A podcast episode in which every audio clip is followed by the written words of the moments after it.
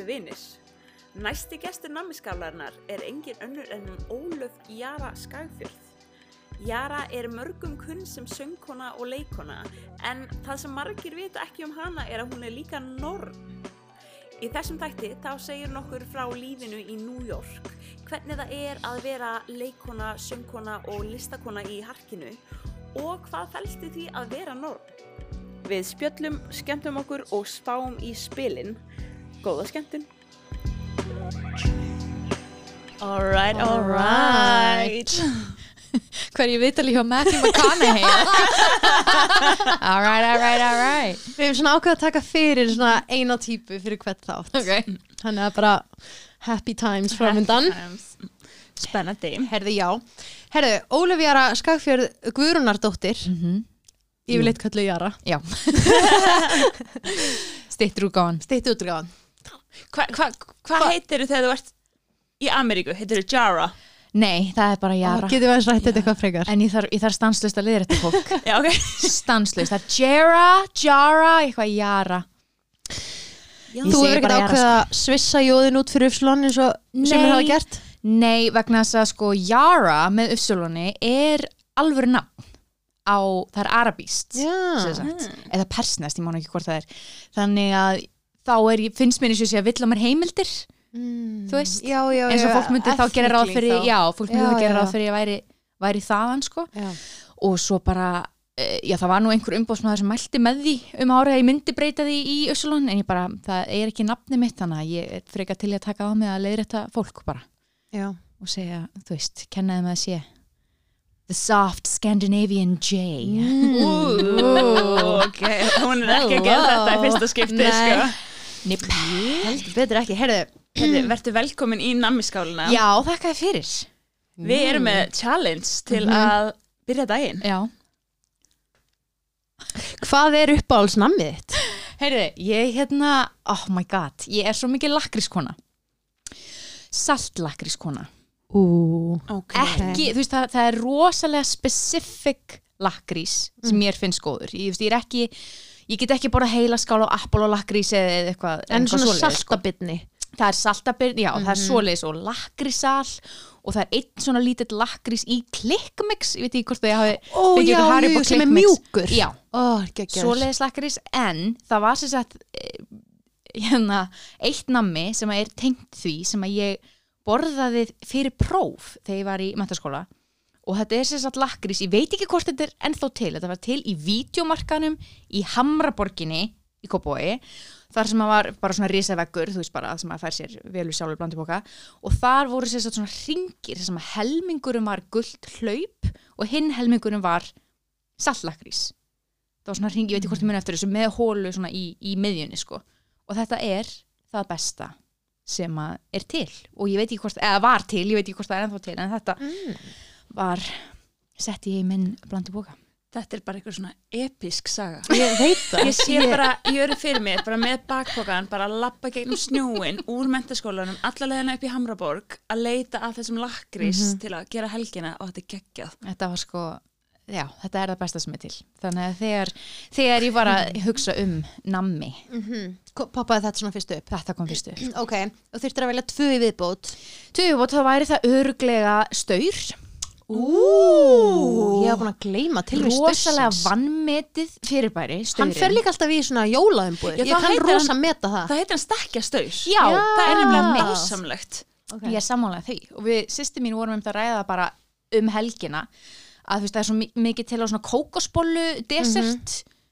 Af hverju var ekki hægt að svissa út kókosbollunni fyrir staur? Þú veist búið til eitthvað svona staur desert? Já. nú er ég ekki sérfræðingur í eldósnu en okkur fannst þetta mjög góð hugmynd. Mér finnst þetta geggju hugmynd. Ég mættist í þetta matabor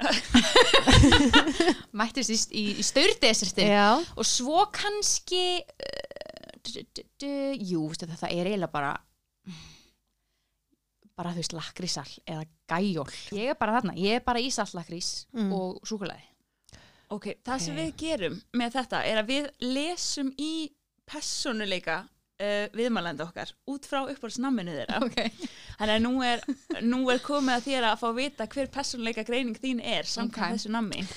Sko, ég, ég er rosa ána með þetta saltlakristæmi það er Já. svona því Jara er svona þetta segir mér hún sé svona svolítið svona hún er klassísk svona söm við, söm við Íslendingin í sér Klálega. En með smá svona það er smá svona extra spice með, með saltinu sko Mhm.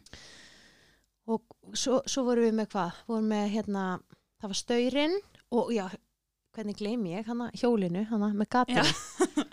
Því þannig að hugsa það Sko, ég, var mér finnst það vera svona essential saga í þessu. já, Það að hann skildi hafa gert sér ferðana upp í Hamraborg, Mhm. þetta er svona ringur sem táknar, þú veist, eilífiðina, skilur þetta, circle of life, það er öðru megin svona svart og dimmt, hinum megin svona gullt og bjart, sem svona tveir heimar mætast Ú. saman í lakrisnum í Hamraborginni. en svo er líka sko þetta nammi sem að, veist, ég veit ekki hvað er sem að segir ósa mikið þannig að það er svona, hún er svona það, það er svona eitthvað sérstækt í gangi sko Líka með staurin eiginlega, af því að Já. það, það eru fáir sem myndu nefna staur Já. og þetta er svona, þú þarft að vera svona einstök til að nefna, al, þetta var alveg sem með karmel, Já. þú veist, maður, þetta er svona einstök Já. er líka mjög og þetta er líka gott. svona, þú veist, klassísk skil á utan en, en mjúkt og fössi að innan Mhm. og svona jólalegt. Já. Ég held líka með lakrísin að því lakrís er svo ótrúlega hann er svona sterkur og hann er svona pínur svona nitty gritty svona, þú veist, er þannig sko. Nitty gritty þetta er mjög lýsandi hérna. Ég er bara þér, þetta er alveg spot on sko. Já, takk. Jú, jú, jú, við þurfum enga það, þú veist, maður ætti bara að henda sko stjörnufræðinni. Meina út í gluggan bara að greina í nammi Já. bara ég meina þetta grein í bolla ég er einmitt sko. Nákvæmlega. hello. Þetta er bara Herri. spot on hjá já, takk. Takk En heyrðu, að hérna alvarlegri málum. Hérna, já, ég, sko, ég kynnist Jöru Þegar, Jöru? Jöru, þú ert bara hérna. komið til New York bara. To the America Hérna, ég kynnist Jöru þegar hún, hérna, óvænt uh, Býr heima að mér ykkur Út í New York. Þegar að Jara flytti til New York. Halló, býr Íslandingur hér? Svona, næstu En ekki alveg. En hérna, við bara urðum Mjög tætt þarna á, á tveim vikum Þó sambúðin hafi kannski ekki verið lengri. Nei. En Og ég- hérna, ég bara ég- þekki ekki jöru neitt. Nei, ok. En við vorum saman í mentaskóla Varst þú í Vestló? ég var í Vestló Nei, Jú, hættu. það var þannig. Ok, aldrei giska á það að þú verður í Vestló svona er ég gellan. Oh, og, hérna, og Jara var náttúrulega bara Vestló Já. bara, var bara Vestló, Ég meina, þú veist, þannig. ég bjóð akkur í samtali hver Jara var því hún var í Vestló já, einmitt. Já, Vestló stjarnan skein, skein bjart. Alla leið norður Interneti var svona aðeins fara að láta bera á sér á þessum kalla. Já, einmitt, já, ég man að Facebook kom á lokaáru mínu í Versló Já. Já. Ég er mjög fegin að það var ekki komið fyrr Já. Ég verði að vera alveg Ég meiri segja núna þegar maður kíkir í memories þú veist, þessi, bara þessi tvö ár þegar maður var eitthvað að meina að læra þetta þá er maður bara guð minn góður hvað ég glöð þetta var ekki því ég var yngri og í lengri tíma Og bara hvað maður var að segja Mhm. Þú veist, að það var alltaf verið, var, þú veist, var ekki alltaf Já. svona prompt eitthvað Óli vera, er á leiðin í Já. próf? Eða eitthvað, er að læra fyrir landafræði. Þú veist, það er bara memories allt eitthvað svona tíu Maður var alltaf að 12 segja ago. hvað maður var að gera. Það var eitthvað svona þing, allt á mínu er svona líka. Það er þegar var það stóð, það stóð fyrst Ah, þú veist, Katarmist ok. is eða Katarmist Já. wants to eða eitthvað og þú ert að fylla upp í statusin Þannig maður er ekki jafn miðaldra og maður held Nei, Nei, Nei, nei.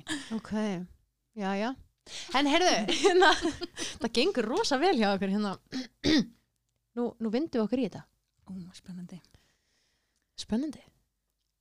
Vindu okkur í hvað? Nú er Já, ég ég að ég Hvað er að fara í þessu stað? Það er það erfið Katrín gaf fæðing mér hérna mjög litlar Já, ég upplýsingar gæði rosa litlar um hvað upplýsingar. að fara í þessu stað hér í dag að Já. ég, En sko, hérna, þú kannski spyrð svona, því þú þekkir Jörgi Þannig ég er mjög áhuga sem um að heyra um hvað þú vilt spyrja. Já, heyrðu, þetta er bara mjög spenn spennandi. Ég segi sko, mér langar að bakka Þú við bakka? Já. Ég vil bakka og ég vil spóla tilbaka og ég vil alltaf fá að vita hvar sko ég, nú er ég með þetta fína tré hérna fyrir fram að mig sem er Ólöf Jara Skagfjörð Guðrunadóttir en hvaða, hvað, hvað er fræð? Hvað er manneskuna? Mhm. Hvaðan kemuru, hva, hvert er svona upphæðið að öllu sem að þú ert núna að fást við sem er heilmikið? Já, sko, þetta er mjög góð spurning vegna þess að hvað er uppafið að hverju? Þú veist, það er náttúrulega- náttúrulega allt leiðir af sér eitthvað annað. Um, já, að því að þú veist, eins og þú segir sjálf, fræðið byrjar bara sem fræði og þú veist, ég held að fræðið veit ekkert hversu stórt það sér að vera, hversu marga greinar eða lauf eða hvað, það hérna, hvað hva verður Mhm. um, já, veistu það, ég eiginlega það er bara mjög góð spurning veistu það, ég hreinlega veit ekki hvernig ég á að svara þessu vegna þess að það, ég veit ekki hvert ég á að fara mér finnst vera svo margt það er bara svo margt þannig ég er, ég er það er áhugavert, ég finna ég er hrættu við að byrja einhver staðar sem er mjög Já, áhugaverð tilfinning já. sem ég er, sem ég er upplifun núna, ég er bara svona Mhm. að því ef ég byrja einhver staðar þá finnst mér þau að fara að fara þá Já, leið já. og ef ég bara annar staðar þá finnst, mér þau að Mhm. fara þá leið að þetta er allt svona Mhm. saman þetta er ekki ég get ekki bent, já það var þegar ég fór flutti til New York eða já það var nú þegar ég byrjaði í, í Varslóði já það var nú þegar, ég- ég kynntist þessum Mhm. Það er ekki bara eitthvað eitt Nei. einhvern veginn En þú ert, þú ert úr Kópavogi ég er, já, ég myndi segja ég væri úr Kópavogi vegna þess að ég uh, varði þar allir minni grunnskóla göngu Mhm. í smáraskóla og bjóð þar frá því ég var fjögur ára og þar til við fluttum annað í Kópavóin þegar ég var 16 ára Mhm. og var þá þar, já, þannig að ég var, var svolítið út um allt þarna á fyrst, fyrstu árunum sko, ég bjóð fyrir Norðan í eitt ár með mamma og pappa þegar voru þarna í, í leikfélaginu þar og hérna og svo voru við bara, voru við út um allt. Þangað til við svona, síðan svona lendum í, í Kópavóinum, í smáranum þar. Við þeim, og við fluttum í hérna, smárakverfi sem var þá bara sko, það voru ekki einu svona ljósastaurar. Þú veist, það var ekki, þú veist, ég man alveg eftir bílferðum það sem var bara kolniða myrkur um, það sem við erum á leiðinni heim bara við sem að keira einhvern sveitaveg sko. og það var bara möl og það voru lengin hús og við eiginlega svolítið ólumst upp með hverfunu svolítið. Mhm. Um, og það var rosalega mikið af um, fjölskyldum og, og krökkum á okkar aldrei, þú veist það var einhvern veginn bara það ólust allir upp saman svolítið í, í smárakverjun og líka með skólanum, því skólinn byrja bara sem einn bygging, svo var alltaf byggt við á hverju ári, þannig að þú veist um, já ég held að skólinn hafa bara verið þú veist búin að vera starfandi í tvö ár þegar ég byrja í skólanum, þannig að veginn okay. Þannig að það er kannski svolítið, svolítið áhugavert. Já, núna þegar, ég er að tala um það að svona einhvern veginn mín æska og, og það umhverfi sem ég var í var að byggjast upp á sama tíma og Já. ég var að byggjast upp þannig að já, ég er þar og minnst Áhugavert. þetta stórmerkilegt fræ þegar ég held að margir gerir sér ekki grein fyrir því bara hversu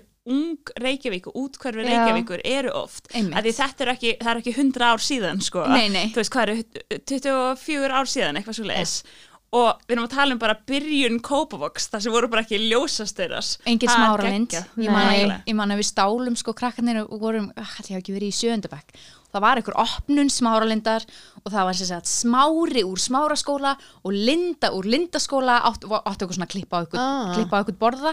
Og við stálum stöll krakkarnir í sjöndabæk sko skrópuðum í tíma til þess að fara á opnun. Þetta var eitthvað Ah. ægilega veist það var alltaf bara í, í gönguferðarna frá okkur.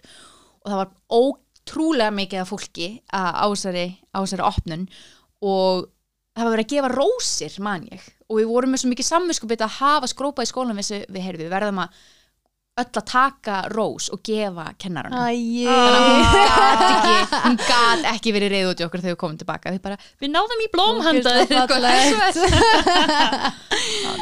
Ég mann þegar ég skrópaði í skólanum fyrst skipti Ég var í mentaskóla Ég var bara með svona brennandi nýstandi samvinskupið Ógisla samvinskupið Ég var bara, mér leið bara eins og ég væri bara, þú veist, að fremja bara hræðilegan glæp. En svo með árunum og þá verður þetta svona já, já, Nei, þetta lærist. Það verður minna mál. Skróp, skróp lærist sko.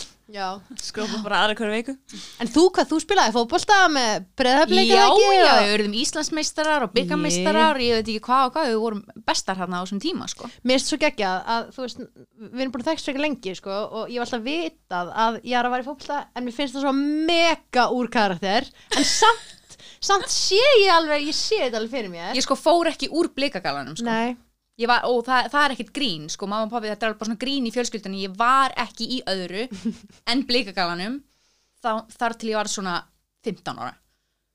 Ég er íkja, 13 ára. 13 ára, en það er samt þú veist, alveg bara frá, frá fjórðabæk upp í, upp í það voru 5 ára sem ég fór ekki úr blikagalanum sko. er en hvernig, hvernig förum við úr því að vera bara fótbolta byggarmeistari í að verða listagúrú? Sko, ég hérna það, það var Marta sem alltaf var bara að gerast á sama tíma bara svona eins og krakkar, viðst, bara já þú ert í fótbolta og þú ert á píano, ferði í píanotíma og þú ert í kór og þú ert þess að það var einhvern veginn alltaf gerjast á sama tíma. En eins og með fótboltan sko þá það sem ég fann svo gaman í fótboltanum var að vera með fólki, þú veist, að vera með vinkunum mínum og hérna, það var svona félagslegi þátturinn af íþórtastarfunni sem ég fann skemmtilegur. Ég var aldrei á leiðinni í einhver atunum mennsku, sko. Uh, þú veist, það var aldrei neitt metnaður Katri bara nei, það meikar ekkert sens. Um, en mér fannst það ógslag gaman en, en uh, það er einhvern veginn já, og svona, ég, veist, ég var í píjónatíma og var í þessum kórum, það var hérna Um, og það er svo fyndið vegna þess að allir halda eða gera ráð fyrir því út af því hverju fólkdrar minnir eru að það sé út af þeim eða fólk spyr oft já voru ekki alltaf að syngja og leika heima í okkur bara nei það var, var ekki var ekki svoleið sko, þú veist mamma og pappa voru ekki eitthvað jæja stelpur.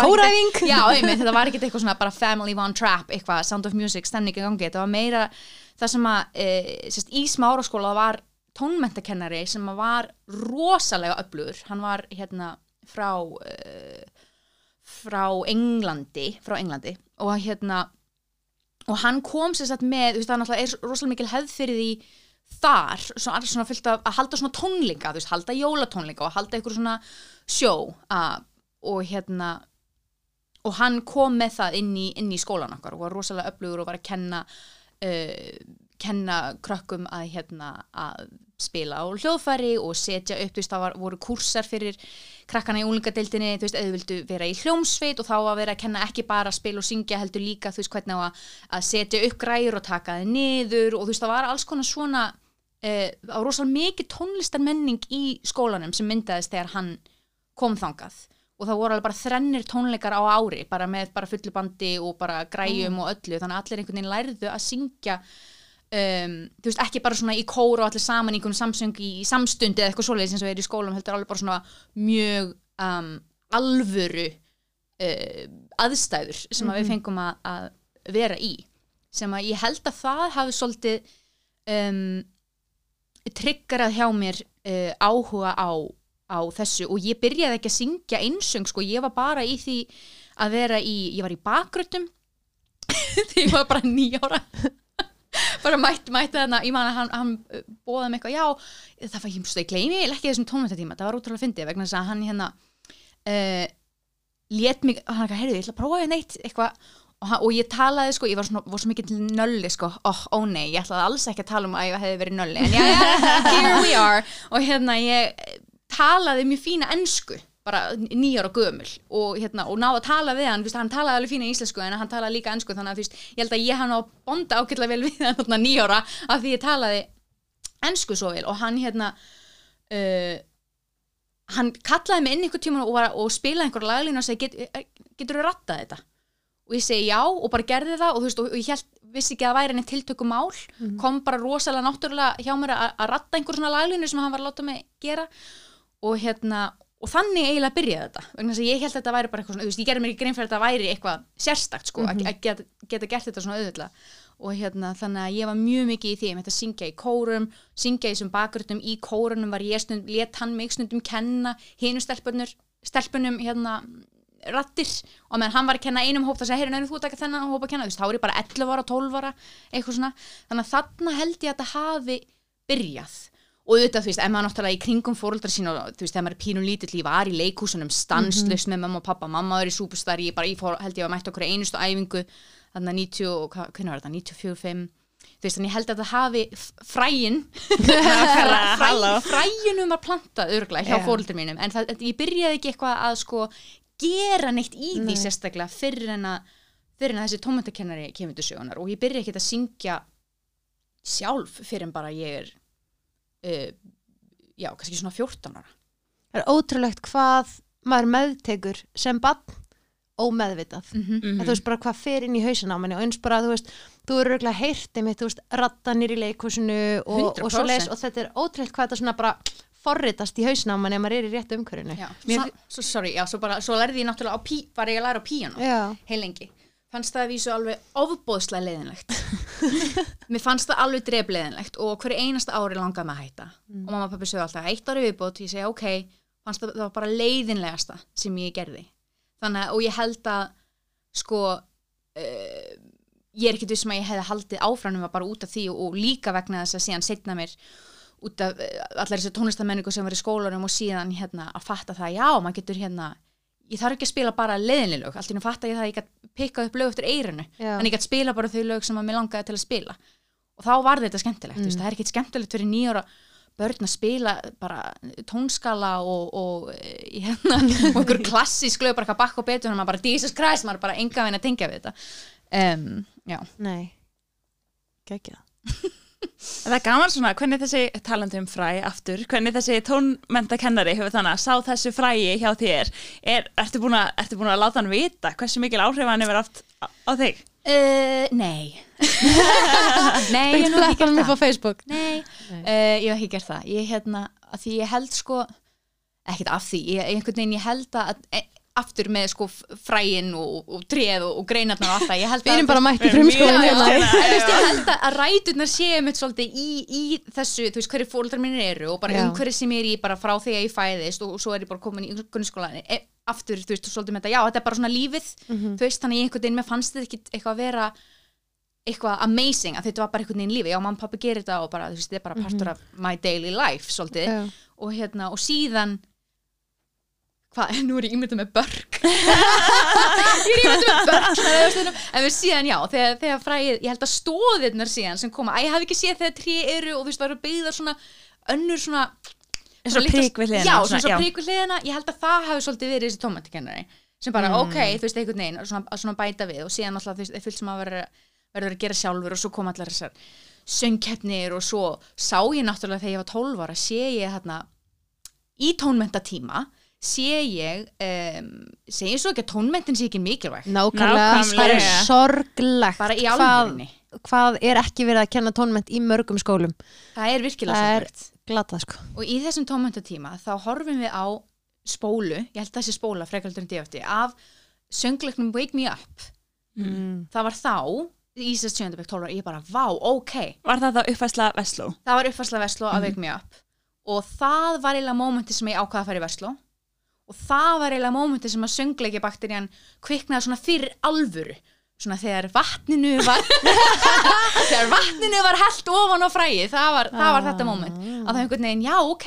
Veist það, þegar þú veist, þarna eru að gæsa alveg krakkar sem eru skilur aðeins yngri. Þú veist, maður var kannski bara búin að sjá fullorðu fólk en alltaf var maður að sjá fólk sem var aðeins nær sér í aldri vera að gera þetta. Já, þá bara, vá, ok, ég get bara gert þetta ég þarf ekki að býða þóngilega í fullorðin til þess að fara í leikúsin, skilur Mhm. við, ég get bara gert þetta í skólan. þannig að það lá alltaf bara beint við að fara í Vestló Það kom engin annar skóla til greina og ég var með svo góður einhvernir og var svo brjálaðislega kokki þegar ég sótti um. Ég sett ekki einu svona varaskóla. mm. Ég bara, það er ekkert annað að fara að koma til greina heldur en versló. Þú bara skapaðir algjörlega svona þinn farvig þannig í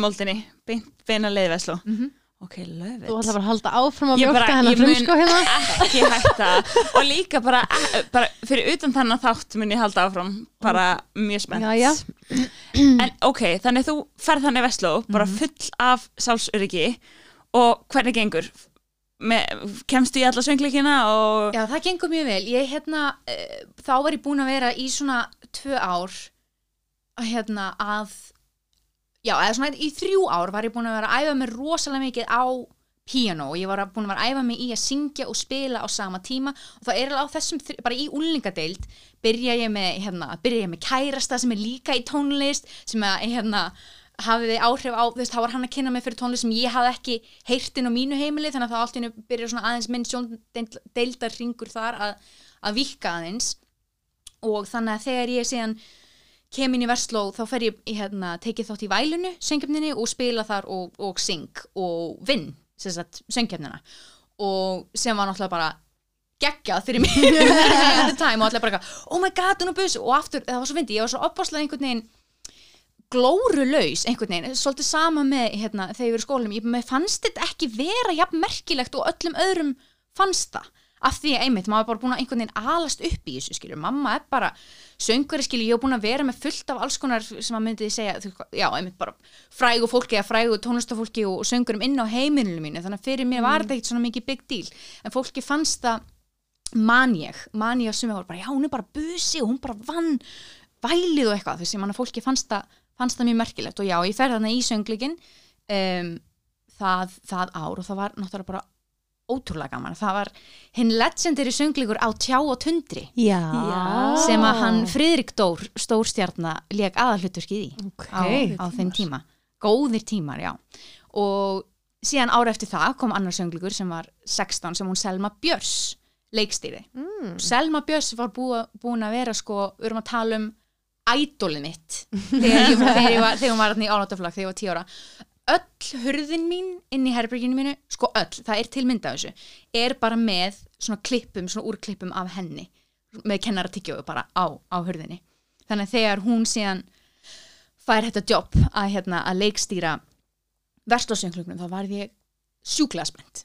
Og og það einhvern veginn það að hitta hana og vinna með henni breytti svolítið mörgu hjá mér að því síðan fer hún beint úr þeim söngleik í, hérna, í Gosa í borgarleikusinu og, hérna, og ég og, og fleiri sem höfum verið í, í þeim söngleik sagt í Versló vorum líka með í þeim sagt í Gosa í, í borgarleikusinu á þeim tíma.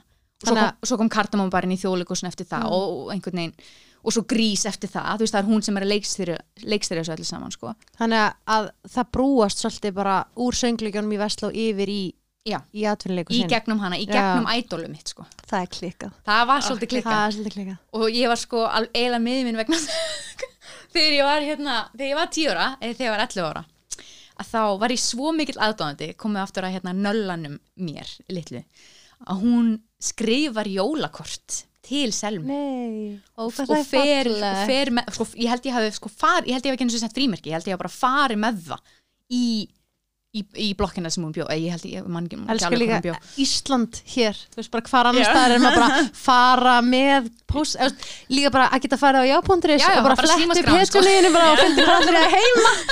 Smáreglað Nákvæmlega sko, þannig að ég, ég man að ég gerði það og ég man, ég man ekki hver sagði mér ég, jú, alltaf hafi ekki verið guffa sem, hérna sýsterina sem að kóragrafaði uh, söngleikin legendary söngleikin 16 sem Mm. ég leik hana í, í, í Versló hún held ég hafi sagt mér að hérna að Selma muni eftir að ég gaf henni jólkort og ég er náttúrulega bara dó inn í ég, bara, ég vildi svo ekki á myndi muna að þetta hefði átt sér stað sko. Og ég var alveg bara, Rauð niður í tær, sko. já, Hvernig var eiginlega að taka við, að því að nú Selma alveg legendary Sandy í grís, Mhm. hvernig var svo fyrir þig að feta í hennar fótspor undir hennar leikstjórn? það var bara, það var bara geggjað ég einhvern veginn, hún var svo frábær vegna þess að hún, hún byggði mig svo svakalega upp. Hún hérna í hrósinu sko, og hún var svo bara ána með mig og ég var náttúrulega bara, ég var bara tvítug þegar ég var þarna í, í hérna og Ka Katrin veit þetta kom út og leikur svona að hérna, það er ekkert sjálfgefið að, að fá hlutverk í atvinnu leiksýningu ekki með leiklistagráðu Mhm. um, það er svolítið, á Íslandi er svolítið svona mentasnopp uh, sem að er ekki til úti það sem ég á heima núna, það fólki gæti ekki verið meira saman hvort þú sér með uh, me, uh, meistaragráðu, þú veist, MA eða BF eða BA eða ekkert í, í leiklist. Það, bara, það skiptir ekki máli þegar þú mætir í, í pröfur. Þannig að hérna, þannig ég man að mér fannst það erfitt. Og ég var stressuð yfir því. Ég var ekkert stressuð yfir því hvort ég myndi geta gert þetta eða þú veist, eh, hérna eða já, þú ert nú að feta í fótspor sem, eða skilur þú veist, ég var einhvern veginn ekkert með hausinn þar. Ég var meira með ágjör á því að hérna, að fólki þú veist, að fólk myndi eitthvað svona hvað segir maður? Uh, já, fetta fingur út í það að það væri bara eitthvað stelpa. Þú Mm. veist, eitthvað svona, bara eitthvað stelpa sem er ekki eins og með leiklistakráðu er að leika í atvinnuleiksýningu og ég hafði eiginlega mestar ágjör af því en hún hérna var bara svo góð og bara mikill stuðningur í, í henni og rósaði mér svo mikið og hérna hjælt svo mikið með mér. Þannig að ég hérna, mér leið bara mjög vel í því ferli að að öðru leiti, já Þetta voru líka eitthvað svona, svolítið svona sprengju ár í Vestló það er svo margir Já. einhvern veginn úr þessum árgöngum sem voru á þessum tíma sem eru núna bara út um allt Mhm. það er mjög áhugavert Já. já, einmitt, akkurat á þessum árum og eiginlega svona þeim árum sem koma á undan líka sko. Það voru, hvað, og undan voru Jón Jónsson og já og, Og hérna hérna- Þorvaldur Davíð og, Mhm. og hérna og Heiða Ólafs Mhm. og, og fleiri kempur sko Mhm. sem að voru í þessum, í þessum söngleikum sem að einmitt eru bara fræg í dag og ég Já. held að einmitt að maður búi að því að hafa fengið tækifæri til þess að sko ekki bara vera í mentaskóla síningu heldur vinna, úrst, að vinna með atvinnufólki, þú veist, þau ráða Já. atvinnufólk til þess að, hérna leikstýra og koreografa og tónlistastýra öllum þessum sýningum sko. þannig að maður fær einhvern veginn maður er svona eiginlega að byrja að byggja upp eitthvað svona network Já. þegar maður er í, í hérna í mentaskólasýningum sko. Ég held líka að maður uh, taki þessa reynslu úr veist, félagslífinu og söngleikjónum og, og þess að þar svo mikið með sér ef maður ætlar í þessa átt Mhm. þá er þetta svo mikil gjöf að hafa farið þessa leiðina þegar maður var í mentaskóla og gefið þessu tím og fókus að því að þetta, maður lærir svo ógisla mikið Já. og ég allavega fyrir mitt leiti ég tek miklu meira með mér reynsluna úr leikhúsinu og því úr, í mentaskóla heldur en okkur tíma náminu sem ég var að, einbytta mér að eða hefði átt að vera að einbytta mér að.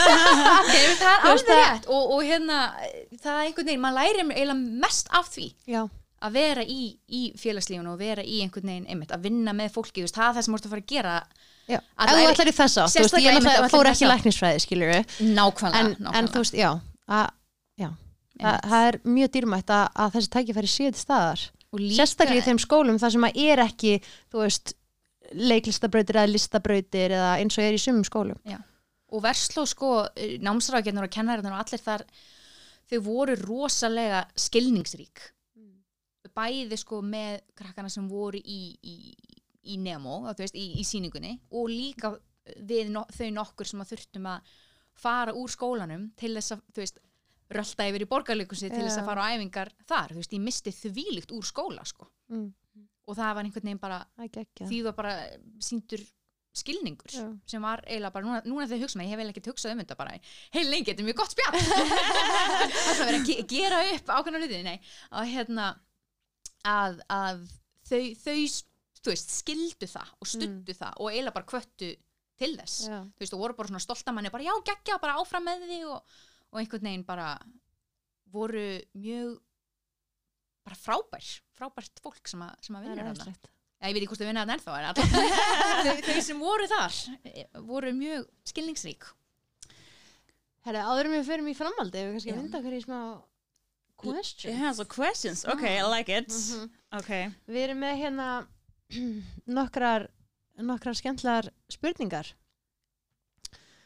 Uh, reyna að hugsa svona, um, ég ætla að segja reyna að hugsa svona on the top of your head, en meira svona reyna, reyna að svara. Reyna að svara, Já. ok Svona, að, svona í, í, Er það lightning round? já, svona eiginlega. Ok, It's some soft lightning. soft lighting. So, soft Scandinavian lightning. Gentle lightning Með, með glugga við fyrir áhugaverðar niðurstöður. Já, ok, cool. Tilbúin. Já. Reykjavík eða New York? New York, Akureyri eða Reykjavík. Akureyri, Tónlist eða leiklist? tónlist Upplifa aftur verslu árin eða árin í Circle. Pass, Áestakarvan eða kabarett? kabarett, Buddy Holly eða Grís. grís Harry Potter eða Lord of the Rings? Harry Potter, Sandy eða Sally. Sally Ef þú værir hálfur fiskur, myndur þú vilja hafa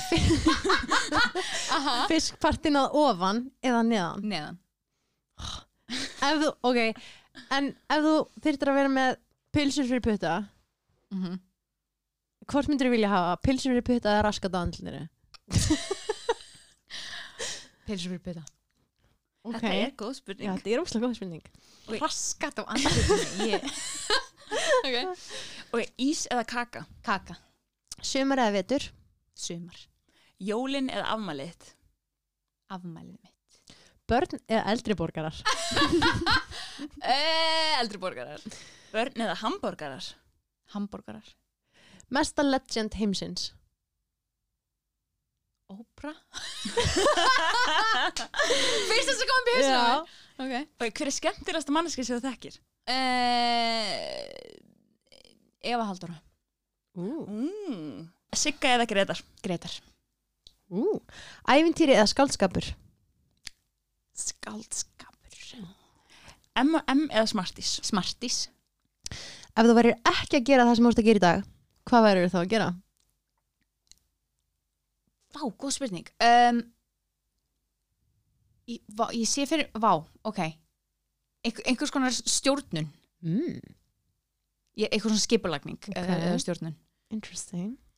Hver er besta íslenska kvikmyndin? með allt á hreinu Hvað, ég glemdi þessari, við vorum að tala um um daginn. Já. En, já. En leiðilegasta íslenska kvikmyndin. um, eiginlega allar um, það er alltaf svo þunglindar um, hérna hva, hvað hétt hún hérna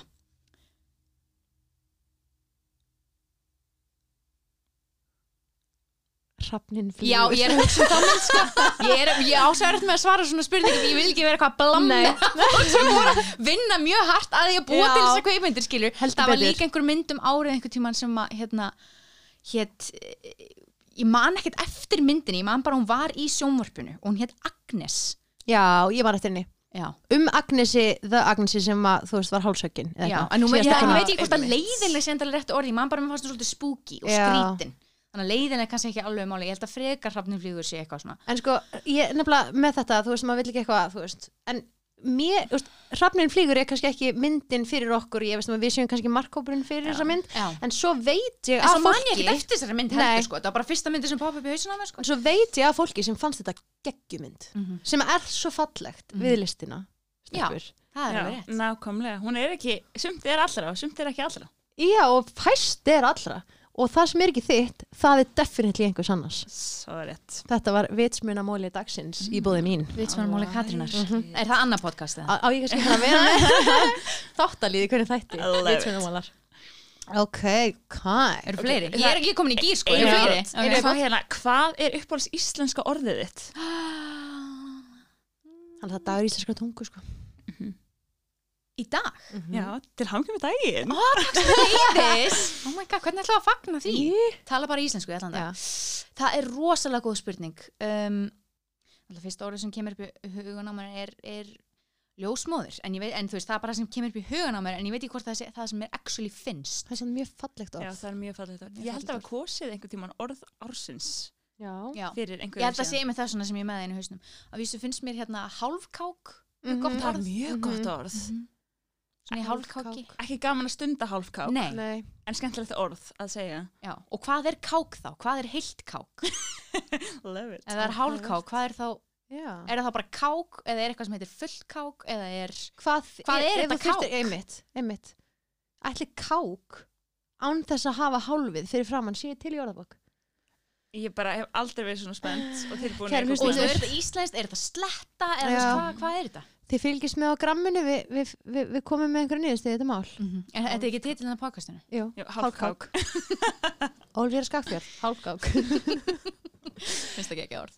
Herðu, eftir Vestló, þá Mhm. hérna, þá flytur úr landi. Jú. Mér langar að spurja um það, Já. að ég sko las einhver staðar að þú Mhm. hefði farið pröfur fyrir LHI Já. og ekki komst inn og farið til New York. Mm Hérna, hvernig var það, að- þú veist, að það finnst mér svo skrítið að því að þú varst á fullu í leiklistinni Já. og varst greinilega sjúkla hæfileikarík og opinn og skemmtileg og, og vinsæl meðal allra í listalífinu. Bara, já, þú veist, hvernig, hvað var þetta? Uh, ég held að þetta hafi bara verið mjög um, spiritual ingrip. Hmm.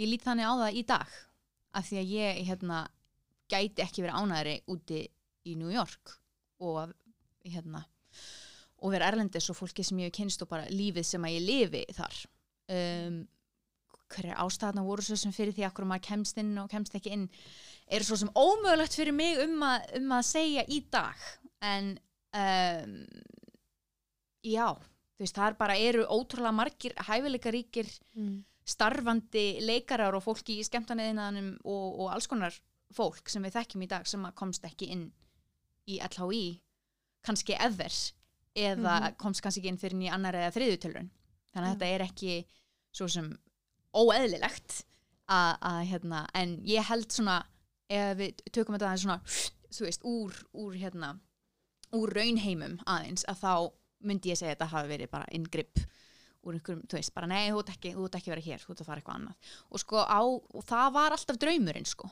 var, ég var búin að vera með það í maðanum bara í, í mörg ár að mér langaði að fara erlendis og læra.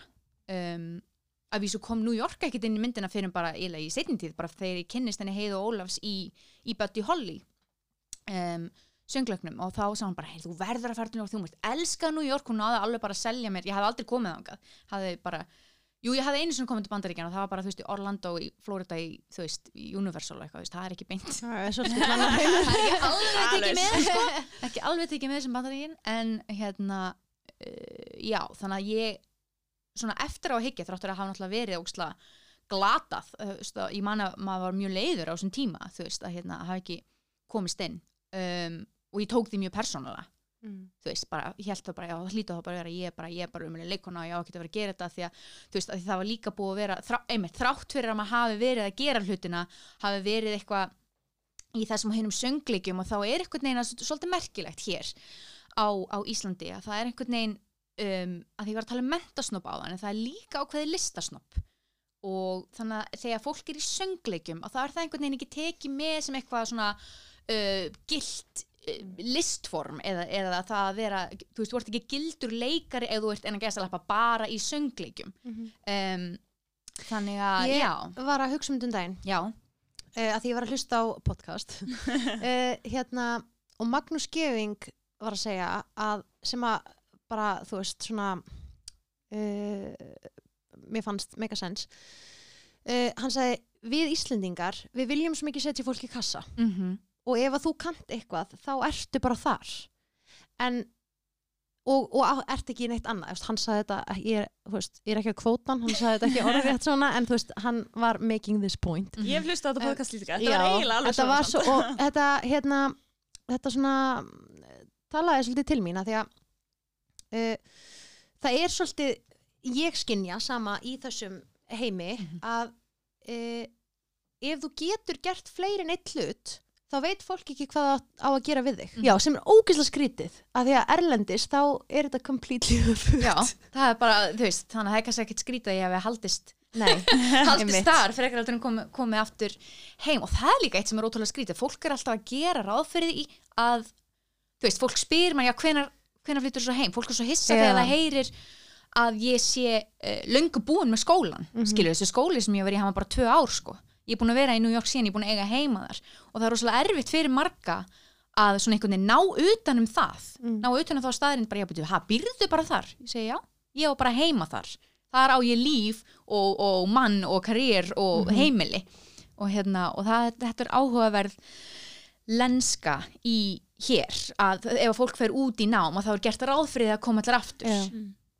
um, sem að, hérna, ég var alveg með samviskupið yfir alveg, þú veist, og var bara svona mjög svona con confused að innan í, Mm. að því ég bara, þú veist, ætti ekki að vera að koma aftur heim eða skilja, svona, eitthvað svona smá samviskupið með að maður sé ekki að koma aftur heim og, og hérna, að því það er einhvern veginn ætlast til að manni finnst manni, þú veist, það er ekki endilega raunveruleikin en mann einhvern veginn finnst það því þannig er umtalið svolítið í, í, í bara á landinu, finnst mér og allir einhvern veginn alltaf að gera það fyrir að maður, ég ert ekki örgulega leiðin heim, ekki, ert ekki að koma heim og eitthvað, veist, alveg gott, gott að koma heim endur og eins, þú veist, einmitt, ég kom, kom heim í, í kabarett þarna í sex mánuði og fór svo bara aftur tilbaka og um, og nú er ég hér í, í smá verkefni og svo fer ég aftur heim og hérna, einmitt, ég, ég segi það núna, þú veist, þeir fara aftur, fara aftur heim. En enda búin að vera úti síðan hvað 2000 og Já, ég er búin 12. að vera það næstu í áratug, átta ár. Já. ég er búin að vera þarna. Þannig, þannig að tók heimunin þig, bara alheimunin tók þig og setti þig í New York. Mm og það er aldrei komið okkur áður áður en þú fórst í pröfu fyrir skólan Nei. Það er ótrúlegt. Já, það var eiginlega að því var settu upp nokkra pröfur í bæði í London, ég fór sérst til London líka þetta, þetta vor og í New York og ég held að við sendum einhverjar umsóknir og einhverjar pröfur í einhverja aðra skóla um, annar staðar í einhverjum, í einhverjum öðrum löndum ég man, jú, hérna í, í Edinborg og eitthvað svona uh, Evrópulöndum og ég, þetta bara, var eitthvað svona moment, ég fór sko alein, fór bara alein til New York og hérna og ég lendi og ég bara svona stíg út úr flugvölinni og ég bara já, ég á heima hér. Þú veist, það var bara eitthvað svona fáránlegt ég hafði ekki einu svona lappað um í borginni þetta var bara svona einhver fáránleg svona ég hef verið hérna áður eða þú veist, ég á heima hérna eins og það hafa bara verið eitthvað þú veist, eitthvað, hérna, annað líf sem að ég hef verið þarna um, sem að er mjög rétt ég hef, látið, tjekka á því ég hef, ég hef búið á þér í, í New York tala við alls konar nortnir um það, já, já New York er svolítið svona eins og er svona eins og manneskja í lífi manns Mhm. Já. Í- maður saknar hennar með svona heitri þrá eins og maður saknar fólk sem að mann þykir væntum 100% þetta er svona eins og bara samband. Já, það er það. Ég segi þetta alltaf, ég tala um New York eins og ég sé að tala um bestu vinkunum mína Mhm. sem er bara crazy, af því að þetta er staður en þetta er líka einhvern veginn tilfinning, þetta er líka þetta er svo miklu meiri staður sko. Þetta er bara ótrúlegt. Já, þetta er bara upplifun. Nákvæmlega. Mm. þannig að það var einhvern veginn ekki e, hjá því komist að flytja þangað, ég bara, nei, ég- hérna verði ég að vera. Mm. það var bara um leið bara um leið og ég kom, kom út úr flugvölinu sko.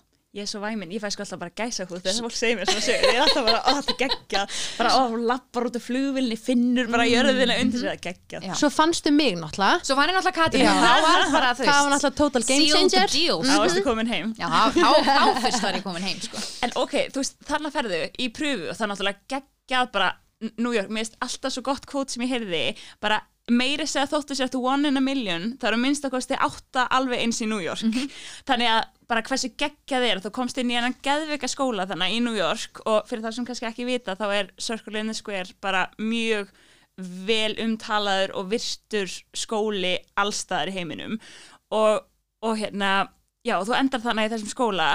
Bara hvernig var þetta, þú veist, hvernig varst þú eina sem var frá, varst frá einhverju öðru landi eða var þetta svona alls konar Já, landa góð spurning. Ég hérna, uh, í mínum bekk voru ég var svo eina sem var frá Íslandi á í mínum árgangi. En ég var náttúrulega ekki eini Íslandinguna þegar Katrin var hérna ára undan mér. Um, en í mínum bekk var þú veist það var einn frá Fraklandi, það var einn frá Taiwan það var maður frá Brasilíu það var hérna fólk allstaðar að, var, ég, ég var í mjög alþjóðlegum já, bekk því ég var, minn bekkur, sko ég útskrifast ára undan jöru Já. og já, hafa, ég var í mjög amerískum bekk. Já. þannig að þetta greinilega svona varjar svolítið, ég var mjög fegin já. að vera í svona mjög alþjóðlegum ég var mjög fegin þegar þú komst. Já. Ó, hérna, já, þannig að það var já, ég held að það var mjög góð reynsla að fá að vera í, þú veist, að því að einhvern veginn mér varst mjög gott að fá mér bara mjög alþjóðlega bekk það bara svona einhvern veginn hérna, var ég að kynnast alls konar fólki ekki bara, hérna Amerikunum um, og það var eiginlega svolítið styrlað að vera í sko, það er bara svo fyndi ég hérna, hef hugsað um þetta svona eftir á af því að ég held að það sé, án þess að fólk fatti það rosalegt svona mini tráma að flytja til annars lands. Vegna þess að þetta er svo að því að hérna þetta er svo mikið big deal, þú veist, heilinaður er að taka inn svo ótrúlega mikið upplýsingum, þú veist, ekki nóma þegar þú ert að byrja í nýju námi, þú ert í öðru landi þú ert í öðru umhverfi, þú ert ekki með þitt nánasta umhverfi og fólk og eitthvað svona, þú ert að reyna að tala á öðru tungumáli. Ég gleymi því ekki að sko eftir fyrstu vikunum mína í skólanum, ég var með hausverk. Ég, bara svona, það bara, ég leið út af bara þarna fyrstu helgina, af því að það var bara svo mér var illt í munnunum, mér var illt í öllum talfærinum af því ég var bara að beita mér allt öðruvísi og ég var, alla vikuna var ég að reyna að skilja þú veist, var bara að reyna að skilja. Og er ég þó góð í ensku, skilur, en þetta var bara svona einhvern veginn að taka allt inn bara á ensku, reyna að tjá sig á ensku og maður reyna að vera maður sjálfur á ensku, maður reyna að vera fyndin, ég, man, ég, var, ég var alltaf að segja svona fyrstu tvo mánuðina, við krakkan í baknum ég sagði, ég er mjög fyndin, ég lofa því ég er mjög fyndin á íslensku, eitthvað var alltaf hvað reyna að segja. En það tekur svona, tekur nokkra sekundur að móta heila setningu eða móta hugsun á öðru tungumáli og það hafði hérna hefur rosalega áhrif á hérna ámann held án, án þess að maður fatta það og maður einhvern veginn fer alltaf bara áfram á nefanum einhvern veginn og bara svona, já, já, maður gerir þetta bara og maður er bara dug, veist, duglegur og fer bara áfram og bara fer all-in í þetta. En svona ég hugsa um það eftir á og það, ég hef talað við nokkra sem hafa einmitt flu, flust eh, erlendis í nám sem að tala um þetta sama. Svo allt í bara eftir nokkra mánuð það er bara svona nuss er bara eins og þið lenda okkur um vegg og fatta bara vá þetta hafði kannski aðeins meiri áhrif á mig andlega og líkamlega heldur en ég gerði mig grinn fyrir og líka bara þú ert að fara uh, flytja inn í annað tímabelti. Þannig að þú veist að allur líkamæðin er svona einhvern veginn að aðlagast nýju loftslægi og ný, nýjum þú veist bara hvernig sólin er og þú veist bara hvar hún er í lofti alls konar svona hlutir sem að hafa áhrif á mann sem að ég hugsa tilbaka vegna að þetta var svo brjálæðislega intense eins og sem þú mannst eftir Katrín. Og ekki það að leiklisskólan er alveg nógu intense til að byrja með þannig að ég einhvern veginn, ég fór, var að hugsa með þetta einhvern tíma fyrir, fyrir einhverjum uh, fyrir nokkur síðan, bara hvaða er nett traumatizing að flytja í annar land á þess að maður gerir sig grein, af því maður er líka búin að byggja það upp í hausinu bara, ó þetta var æðislegt, ó þetta var Já. geðveikt og bara, ó nýtt land og bara nýtt, nýtt, nýtt en það bara, þetta verður bara svona overwhelm Já. af upplýsingum og upplifun Mér fannst, auður, þú lærðir líka úti, þú lærðir í. Breitlandi, hvað veistu kölluð?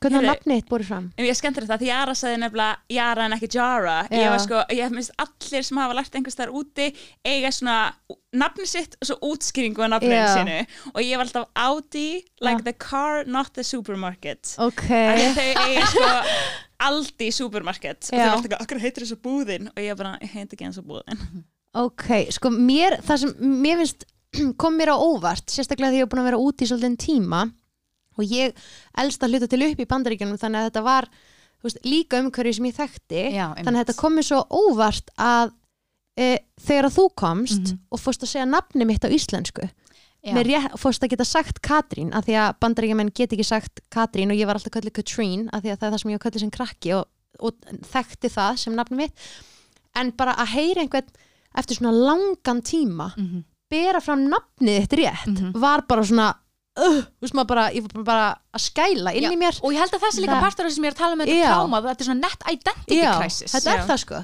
Ég held sko, sko. að þú hafi sett í orð bara kristallæsa fullkomlega þessa einstöku tilfinningu að flytja einn til útlanda til að fara í skóla. Að því þetta er svo specific tilfinning sem ég held að enginn þekki nema hann hafi farið í gegnum þetta. Þetta nákvæmlega að fá þú veist, bara illt í munnin að því að þú ert að staðsetja tennunar og tunguna og munnin öðruvísi orðum eða þegar þú upplifir allt í hennu bara og þú hefði getað komið svo geðveitt gott jók en þú ert einni sekundu of seint til að geta Já. gert það. Jöp. þetta er bara, þetta er svo ótrúlega relatable ef þú hefur gengið gegnum þetta. Og ég held líka að samaskapi ótrúlega mikið svona skil ekki neitt ef þú hefur ekki farið gegnum Nei, þetta. einmitt. Já, og líka að maður þarf svolítið það sem að ég eh, hérna lendi svolítið á vegg með var að því, að því maður er í skóla og maður er kannski að glósa eða skrifa hluti niður Já. að til að byrja með þá er maður alltaf að þýða í haustum á sér til að svo mikið, það vil líka svo mikil orka í Já, það. en svo um leiðum maður fattar ég þarf bara að hugsa á ensku og glósa á ensku í staðin fyrir að gera aukavinnuna með að þýða alltaf það sem kennarinn er að segja áður en ég skrifa það niður. Það er bara complete game changer. Þannig að people, ef þið eru að fara í nám á öðru tungumáli þá bara use this. Mm gott reik, það breytir öllu sko. Breytir öllu, sammála. En þú tókst nú svolítið áhugaverða stefnu núna hérna uh, eftir náttúrulega ekki kannski beint eftir námið þú ert búin að vera að leika og svona mikið eftir útskrifaðist. En síðast hvað, ár, tvö já, ég, jú, segjum segjum tvö, ok, þá fórst þér svolítið skemmtilega átt já, sem ég sá ekki fyrir nei. en hérna ekki heldur. kom alveg bara. En mér finnst svolítið skemmtilegt, viltu segja okkur hans frá því? Já, um, sem sagt ég fór í bara rú, eftir, eftir skólan og margir sem hafa farið í leiklæsaskóla munum kannast við þetta. Ef þú kemur út úr leik, leiklæsaskóla um, og ert bara rosalega confused. Mhm. Og ert bara rosalega hérna, allavega ég upplýði ég það og margir sem ég tala við upplýða nákvæmlega þetta sama. Ert bara soldið brotin Já. og bara veist ekkert hver þú ert og þú veist, ef þú lendir á erfiðum kennurum eða fólki sem að skildi ekki eða fólki sem að hérna, var með eitthvað ákveðna hugmyndur um hver þú ættir að vera eða fólk sem er bara, þú veist, einhverjir bitrir leiklistakennara sem er bara að projekta öllu sínu shiti á nefnduna sína skilur sem er bara, getur talað um það í allan dag það er nú alveg nýtt, nýtt podcast fyrir það. Um, en þannig, já, þannig að eftir, eftir leiklistaskólan þá var ég að bara rosalega illa stödd andlega. Og, og í, einmitt, bara nýju landi, þú veist, bara rétt svo búin að vera þarna í tvö ár. Og ég bara einhvern veginn fór og fann að ég var bara ekki inn í líkamannum á mér, ég var bara einhvern veginn búin að lifa svolítið hérna í það sem maður segir, uh, in satellite. Þú veist, bara svona eins og einhver sko já, já það er einu orðið sem að þetta er í hug, eins og, eins og gerfitungl það hljómar íslensku.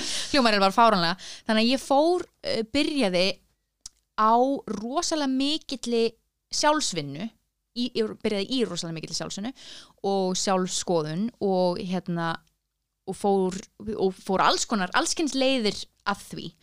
Og hérna og enda ég, maður endar svo sem ekkert, maður er alltaf að vaksa en hérna fræðið eh, fræið sko eh, nú er ég á þeim stað í, í, í trénu, í mínu, í mínu vexti að ég sem sagt uh, byrjaði, eh, sagt, kynntist vinkona mín sem var með mér í leiklaskólanum sem er frönsk og heitir Lór. Hún var að læra alls konar svona hérna, hún var að læra reiki heilun, hún var að læra hérna, sound healing og, hérna, og alls konar svona um, heilunar aðferðir og var svona einhvern veginn var að fara inn í þann heim, andlega heim. Og ég er búin að, þú veist, var búin að skoða alls konar eins og, hérna, hvað segir maður? Alls konar um meðverkni, ég var að prófa að fara í Alanon, að prófa að fara í Kóta, ég var að prófa að lesa alls konar bækur, eitthvað, ég var að finna svona svolítið hvern, hvernig ég gæti unni úr þessu öllu þessu sem var að, var að koma upp á þessum tíma og er, er, er enn að koma upp að þeim um leiðum á að byrja þá hættir það ekkert að koma upp. En það var sérst í gegnum hana sem að ég fór að skoða þann heim svolítið og það var svo merkilegt vegna þess að þegar ég byrja í því og byrja að hitta uh, hana og aðra, aðra vinkonarinnar aðalega konur sem að voru í, í þeim heimi og eru að hérna eru sjamanar og eru að hérna uh, gera alls konar svona mjög áhugaverða andlega vinnu. Um, þá einhvern veginn leið mér bara eins og með New York eins og ég var komin heim. Og bara þegar ég var að tala við þér og þegar, það voru að tala um hluti við mig sem að hérna eru ekki sínilegir þú veist, og var að segja, já, þetta er svona hinsinn og svona virkar orka og svo erum við með fylgjendur og við með verndar, þetta er bara svona að tala um alls konar svona hluti, þá var ég bara, já, ég horfði bara og það var bara eins og, hún var að segja mér bara heiminn er blár, og ég bara, já, einmitt. Veist, það var bara einmitt aftur, eins og ég hefði bara heyrtið á þeirra, eins og ég væri það er eins og ég væri ekki að taka inn nýjar upplýsingar. Mm. það er eins og ég var að muna eitthvað. Og uh, þannig að og ég bara, já, ok, þetta er mjög áhagverst ég ætti að hérna, skoða þetta aðeins, aðeins betur. Og ég var bara rosalega spennt og ég var bara, einmitt, rosalega hérna, um, já, einmitt leið bara eins og ég væri komin heim. Og, og í því hérna, byrjaði ég að prófa mig áfram í, í alls konar svoleiðis hlutu með heilun og, og sjamanisma og læra um, hérna, um orgu og, og heilun og allt þetta og, og sálina og bara hérna, fyrir líf og, og allt þetta. Og hérna og tarotspil mm. og það sem að heitir sko nú, nú er ekki til orðaforði, orðaforði fyrir margt af þessu á íslensku því mér þannig að nú koma slettunar en það er sem sagt uh, að því fólk heldur stundum þetta er sem sagt, ok, ég, ég reyna að finna mjög góða leið til að segja þetta. Og ég finna að ég er orðin hrættu núna vegna þess að núna heldur maður að fólk halda að maður sé eitthvað geð, geðsjúkus vegna þess að þú veist, ef maður byrjar að kalla sig hérna, þú veist, ég, ég byrjaði að kalla mig Nord, skilur, fyrir, fyrir árið síðan. Og það var alveg löng leið sko að komast ángað mm. að, hérna, að finnast maður einhvern veginn að því maður, maður er einhver, með einhverja ímynd um, um sko það.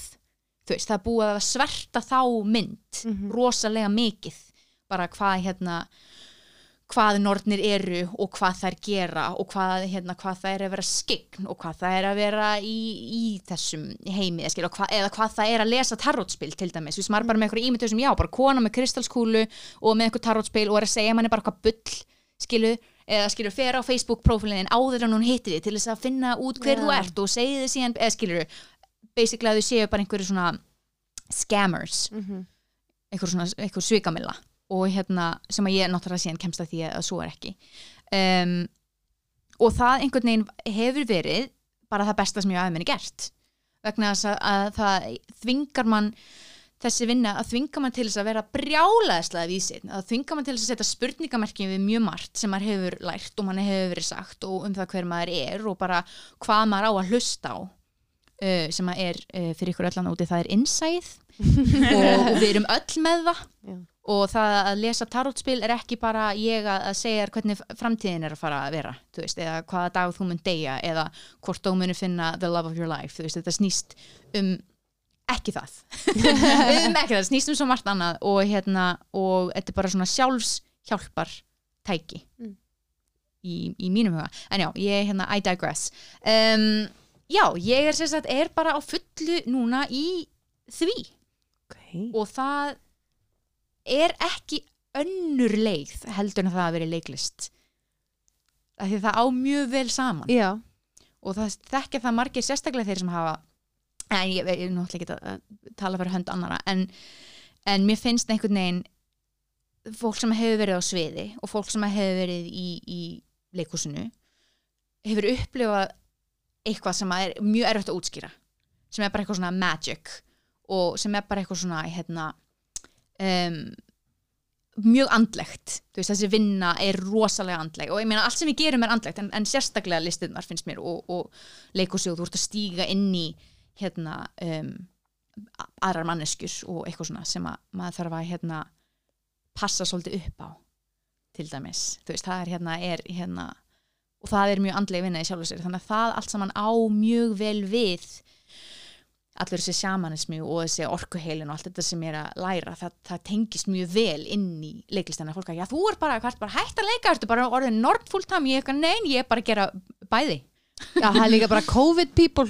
Þú veist, bransin er bara á stopp það er bara svo að finna þegar fólk heldur já nú, nú er hún bara að byrja í þessu þá hlýtur, hlýtur það því að hún sé hætti Já. yeah. bara nei þetta á bara Það, Við aftur komum við að því að, að mann alltaf getur bara gert eitt hlut já, nákvæmlega. Bara hvort ertu, Hvort eða ertu, þú er að velja, Þú mátt sko. velja. og það hefur verið líka og það var líka mjög áhverð vegna þess að, uh, að því að svo byrjar maður að læra og ég, ég er að segja þetta ég, ætla, ég held ég verið að segja þetta vegna þess að fólk heldur að, að það að lesa tarot eða að vera skegn eða að vera eitthvað svona sé bara eitthvað frátekið fyrir eitthvað fólk sem að er þannig skilur, heldur að sé ykkur annar en maður sjálfur. Og þú veist það hafa allir aðganga að þessu. Það hafa allir aðganga sína eins og hafa allir aðganga eins og þegar mann dreymir þú veist, eða þegar þið er að dagdreima þegar þú ert að ímynda þér þú veist, það er innsæðið að tala. Fólk sem þú, að ég veit ekki, kannski er ég bara að ímynda mér. Ímyndunaraflið er actually gateway inn í innsæðið þitt og inn í eitthvað svona hérna, þannig communicator hefði andlega við okkur stundum er í gegnum draumun okkur, í gegnum ímyndunaraflið og svona. Þannig hérna, þannig ef, ef þú getur ímyndaðir hluti eða ef þið dreymir þá hefur aðgang að þessu þú veist, og það er eitthvað sem að fólk einhvern veginn um, fattar ekki og ég vil að allir viti það þú veist, ég er ekkit enda til að vera bara ég, veist, ég vil að allir finni sína innri nord, mm. skilur og sitt innra innsægi og hérna og, og nota það til góðs að Ógeðslega það er hægt að nota það á slæman hátt Já. en maður á, ákveður það sko Ég, sko, mér dreymir svona ást, Ok, mér dreymir alltaf Ég man dreymir mínu svona kannski tvisur ári mm -hmm. Vá, það er svakalegt. Já, En ég sef svo illa, ég geti líka verið það gæti verið það gæti verið það Ok, en þú hérna, þú ætlar að lesa í smá tarot fyrir okkur já, ég get Er gert það ekki? Ú, spennandi. Ég hef aldrei látið lesa svona fyrir mig Heyrðu, ég hef látið lesa svona fyrir mig. Ég er svo mikið svona, ég er svo mikið kjúklingur sko, það er bara og mér langar að segja þetta núna vegna þess að hérna aftur að sem ég var að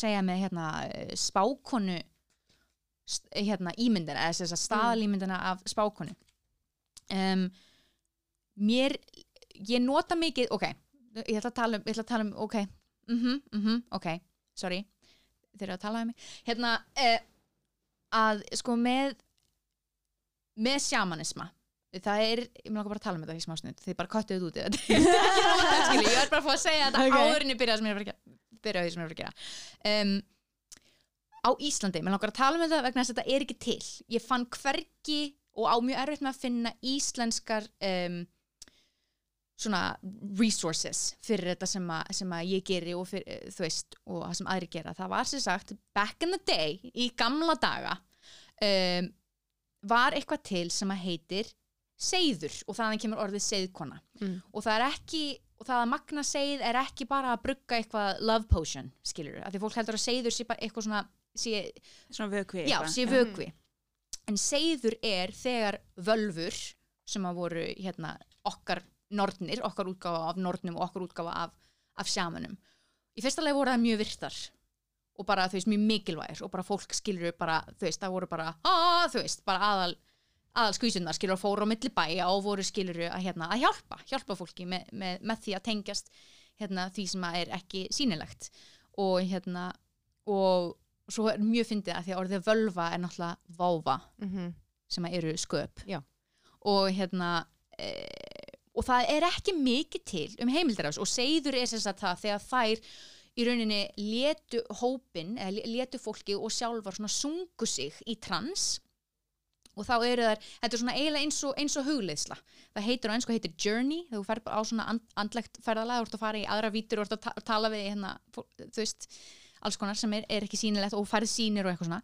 Og það er sem sagt heitir seiður og þetta var eitthvað sem var, var gert mikið af okkar völvum back in the day. Og þetta, og ég held að á einhverju tíumpunkti í mínu lifi muni ég þurfa að fara aðeins dýpra í það vegna sem ég finnst svo sorglegt að ég frétti af þessu í gegnum einhvern Ameríkana sem veit miklu meira um íslenska galdrahefð heldur en ég nokkuð tíman Mm. og ég held að þessi komið tíma á það að Íslendinga förum aðeins að tengjast betur inn í þessa, inn í þessa galdrahefð. Og í þessu hérna að, að tala um að við erum að fara, hérna, að fara inn í þessi tarrótspil og fólk er alltaf að býða eftir því að maður segi því framtíðina. Það er ekki það sem við erum að gera. Það er ekki það sem við erum að gera. Og sérstaklega ekki vegna þess að í norrætni góðafræði sérstaklega eru sér sagt um, þær uh, norninnar urðu verðand og skuld. Mhm. uh, og hann sko heitar The Norns sem ég mjög fyndi og hérna, að því að það er svolítið öðruvísi í, í grískri góðafræði er það aðeins öðruvísi heldur en norrætni að því að það er svolítið, þú veist, the fates og það er eiginlega bara, þú getur ekkert hérna you can't escape your destiny, skilju það er svona einhvern veginn, já, já, þín örlög eru bara set in stone, en í norrætni góðafræði er það allt öðruvísi. Þær segja það, norðnar í norrætni góðafræði er bara, nei, allt sem þú gerir núna og kannski, þú veist, skoða í eitt, tvö spil bara já, hvað er að koma, eða skilur hvaða orkum að ég búast við næstu, næsta mánuðin eða þú veist, í þessu verkefni eða skilur whatever. En það er aldrei meitlað í stein. Mhm. þannig að ef að fólki líkar ekki það sem að sér í náinni framtíð, þú veist, þá hefur þú alltaf power til að breyta því. Ah, Þannig að þetta er bara svona smá disclaimer og fræðsla. Áður en við byrjum. Herru, þá spyr ég ykkur, hva, um hvað vil ég spyrja? Bara næstu mánuði kannski. Næstu mánuði, já. Ok, er, það- erum við að tala um næstu mánuði fyrir, fyrir þáttinn, fyrir ykkur sjálfur persónulega? Hvað viljum við skoða fyrir næsta mánuð? Oh, Segjum okkur persónulega, það er Okkar mjög persónulega, spennandi. ok. Ok, Spennandi. þá. Hver vil byrja? Bara alls sama. Já, allir sama. Ég var að velja. Nei, nei, ekkert Ok. okay. Við erum það að fara. Þetta er svona mest spennandi hlutinu sem ég gerst í lífi mínu síðustu nýju mánu. Og svo er bara bara að segja við alla, þetta er ekkert, er hættulegt, ég veit að það eru margir sem að hérna, halda tarot og það vera Nordsí bara eitthvað eins og maður sé Voldemort bara eitthvað of the dark arts eða eitthvað svona. Ég raunir bara guðis og lof fyrir Harry Potter að fólk er miklu opnara fyrir, fyrir, fyrir svona dóti og bara, bara witches og eitthvað svona wizards síðan Harry Potter kom til sögunar Heyrðu, ok. Sko, ég held að það sé gáfulegt að hérna að, ok, býtum, ég vil að koma, koma snær borðinu hérna, býtum Ég hugsaði að hafa workað svona mikrofón einhvern tíman áður. Já, ætlaði ekki. Kann vel á þessum mikrofóna. Ok, sko, ég held að það væri gáfulegt. Ok, þannig að við erum að skoða þá. Um, Ég held að sé sniðut að sjá hvað eru núna. Mm -hmm. Hvað eru við núna og hvað hérna hvað er í undirmeðutundinni að því að stundum er maður á ákveðinu stað og kannski gerir sér ekki alveg grein fyrir hvað, hvað liggur Mhm. á baki. Hvað er þið núna, hvað, hvað er í undirmeðutundinni hvað er hérna, hvað skal fókusera á? Mm. hvað, hvað er að fókusera á? Spenná. svona í, í, í, eða hvað er að koma og hvað er að fókusera á? Ok, ég er bara svona að tala upp á tíðna heyrðu, Katrín, Mm -hmm. ok, heyrðu, þetta er bara gegja um, við sést að dróum hérna fyrir Katrínu um, dróum fyrir Katrínu, það sem ert núna ég, eh, það er hérna The Moon. Og það er spil sem er uh, rosalega mikið um innsæi. Ok. rosalega mikið um hérna og við erum náttúrulega í sportreika, við erum í Scorpio season sem er náttúrulega rosalega mikið um svona okkar okkar uh, skuggarleðar svolítið, sem er ekkert eitthvað slæmt, þú veist, það bara hérna eru bara okkar uh, þú veist, okkar óttar og svona dó- dóti sem að kannski maður er ekkert alltaf til í að horfa á daglega, mm Mhm. skilur maður er bara að reyna að fara í gegnum lífið og sér daglega líf og vera hress og eitthvað svona, en það er svona uh, staðinu sem við ástáðum núna og það sem ég sé er í undirmeðutundinni er bara mjög gott, við erum hérna með Ten of Pentacles. Og Pentacles er sem sagt rosalega mikið um karriér og peninga og stuðning og mér finnst þetta sérstaklega uh, Ten of Pentacles er líka rosalega svona fjölskyldu með að hérna um, spil þannig að mér finnst eins og þú sért mjög vel stutt á þessum tíma, passa það? Mm -hmm. Já, myndu segja það. Ég held líka að þú sért á, á að því við sjáum hérna par sem heldur utan á hvort annað og heldur svona utan um tré, þannig að mér finnst eins og sért að e, byggja eitthvað upp eða að það sé einhver vilji til, til þess að byggja eitthvað upp, hvort sem er karriér eða, eða fyrirtæki eða þú veist bara hérna wealth eða þú veist hvað svo sem, sem það er. Að mjög, og ég er mjög ána með að það er að gránda því í þessum moon, að hérna moon getur verið stundum að maður að fá hérna kemur alls konar uh, upp þegar, þegar the moon er í gangi bara eitthvað svona, veist, skrítnir draumar og eitthvað svona sýnir og eitthvað svona Mm. hérna, um, hérna skrítið en á, en á góðan hátt er býtu, hvað stjörnum er ekki áttur? Fiskur. ert fiskur, það er hann bara fiskar hérna um, þannig að ég held að þetta sé svolítið bara svona þitt spil. Bara svona vera svona svolítið í flæðinu Moon er líka rosalega creative, rosalega divine feminine orka sem er að koma með þessu. Um, og svo myndi ég líka segja um, að, að því að þegar The Moon kemur upp þá og ég er að tala við konur sem að blæðir þá segi ég alltaf að skoða tíðringin mm. hvort maður sé jörgla í tengslu við tíðringin mm Mhm. um, það sem þú fókusir á er hérna Ace of Pentacles. Og Ace of Pentacles er rosalega mikið um bara svona að planta fræjum. Að planta fræjum og ég held líka að það sem að kemur stundum með Ace of Pentacles er eitthvað svona nýtæki fyrir það er eitthvað nýtt, það er eitthvað svona potential er eitthvað svona möguleiki en þú veist og ásatnir er náttúrulega þú veist byrjunin á einhverju.